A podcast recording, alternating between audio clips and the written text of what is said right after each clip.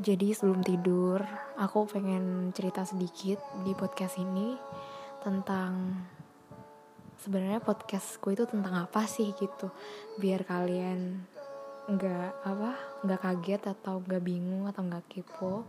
So stay tune, dengerin terus ya. Jadi aku mau kasih tahu isi podcast aku tuh sebenarnya apa dan siapa dan bagaimana dan untuk siapa. Isi podcast aku pure pengalamanku sendiri. Dan aku lagi dengerin lagu I met him when I was 18 jadi aku ketemu dia pas umurku 18 tahun. Itu tepat di saat hatiku tuh bener-bener bersih bener-bener kosong. Bener-bener nggak ngerasain jatuh cinta dan kayak udah lama banget terus dia datang dengan bermaksud serius. Seriusnya tuh kayak menghalalkan tanpa pacaran gitu-gitu. And yes aku nggak pacaran buat kalian-kalian. Mungkin mungkin ada ceweknya yang sekarang yang dengerin. Jadi kemarin aku emang gak pacaran cuman dia udah bermaksud buat serius. Dia ngajak nikah. Dia kasih komitmen ke aku. Itu adalah hal yang bikin aku percaya sama dia. Dia juga udah ke Malang juga. Malang ini tempat aku ya. Jadi nggak ada yang aku tutup tutupin dan ini pure pengalaman aku sendiri. Jadi kenapa sih aku percaya sama dia? Karena kata-kata dia tuh kayak apa ya ya gimana ya perasaan lo? Kayak lo tuh nggak pernah dideketin cowok sama sekali nggak pernah dicintain. Selalu lu terus yang jatuh cinta sekalinya dapet langsung kayak gini. Gimana aku nggak percaya dan gimana aku nggak tulus gimana aku nggak serius ke dia jadi itu yang aku lakuin kenapa aku tulus kenapa aku nggak pernah cheating atau dalam tanda kutip aku punya cadangan. Aku nggak pernah punya cadangan karena itu alasannya. Kalau kamu ngajak aku serius aku serius juga gitu. Aku udah mikir orang ini benar-benar serius sama aku. Karena sekarang itu kita udah nggak kecil lagi kita bukan anak-anak, kita bukan remaja. Kita udah dewasa. Mau sampai kapan main sama perasaan? Kalau menurut aku sih gini ya. Uh, hubungan meskipun gak pacaran ya karena karena pacaran kayak udah nggak zaman banget jadi misal komitmen ya komitmen tuh bisa ngibaratin kayak latihan sebelum nikah jadi kalau kamu sebelum nikah udah komitmen dan benar-benar jaga komitmen pasti nikahnya juga insya Allah bakalan apa ya kayak terjaga banget gitu loh. Jadi kayak latihan gitu. Nah kalau misalnya sebelum nikah aja kamu udah ganti-ganti pasangan gimana nikah? Itu kan. Kalau aku mikirnya udah jauh ke depan sih aku nggak mikir yang sekarang-sekarang. Doang aku nggak mikir buat diri aku sendiri juga. Aku mikir buat orang lain gitu loh. Buat keluarga aku buat orang tua aku buat teman-teman aku. Di mana sih ada teman yang mau lihat temennya sedih terus? Nggak ada kan? Jadi aku berusaha banget buat nunjukin ke orang-orang kalau dia bisa bagian aku. Dan aku pertahanin hubungan itu sampai kemarin.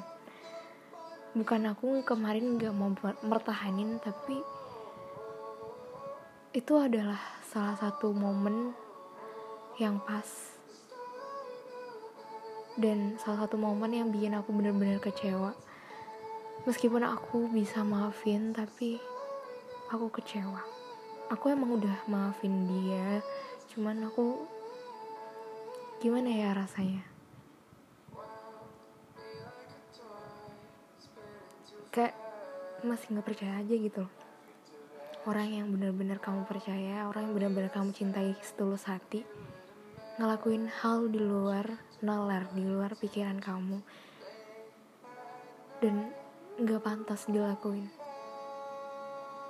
Aku ngerti mungkin kalau orang-orang tahu tentang ini termasuk orang tua aku mereka mungkin bakalan kecewa banget. Dan aku nggak tahu gimana perasaan mereka gitu loh. Jadi mungkin aku cuma bisa ngungkapin ini ke kalian lewat podcast aku lewat untayan kalimat-kalimat aku yang aku bikin podcast. Semoga bisa memotivasi kalian semoga bisa menginspirasi kalian buat tambah pengalaman kalian juga dan jangan pernah mengkhianati seseorang cuma karena kamu pernah kehilangan kepercayaan.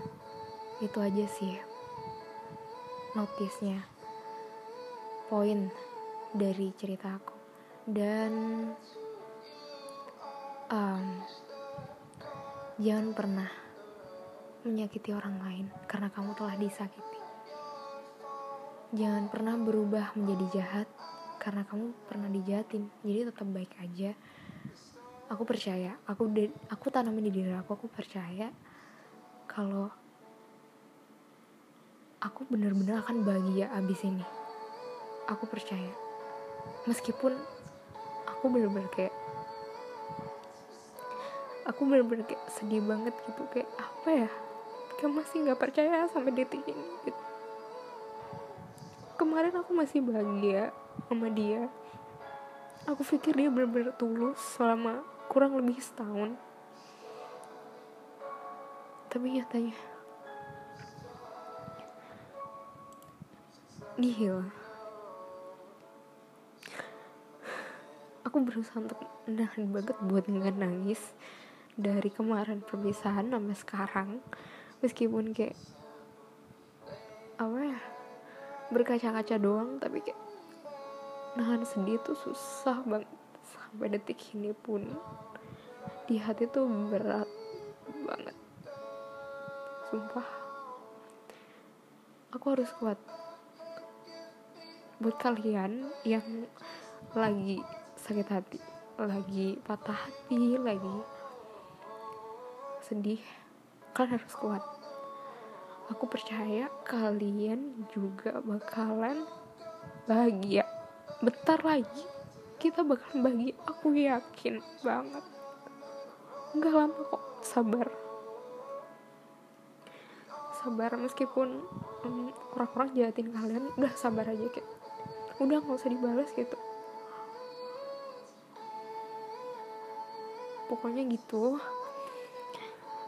jadi nangis anjir. Kalau dibilang apa? Aku kangen gak kangen lah gila apa? Meskipun dia emang udah bikin aku kecewa tapi tapi ngerti ya aku ngerti. Aku perasa banget sampai kayak gini itu kan? Ya, intinya gitu. Mama apa sih? Random banget ya ampun. Jadi gitu semoga kalian yang udah berpisah dipertemukan lagi dengan orang yang benar-benar pantas dan baik dan layak untuk dicintai dengan sepenuh hati. Jangan pernah meneteskan air mata lagi. Semangat.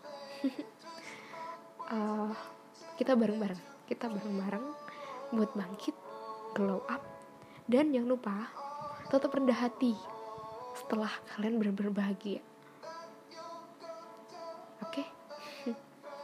jadi misalnya kalian udah bahagia sama yang lain tetap rendah hati.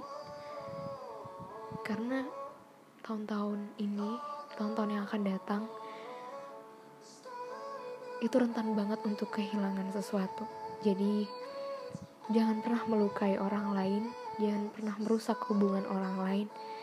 Karena kamu ingin bahagia. Tetap aja kamu bahagia dengan jalanmu.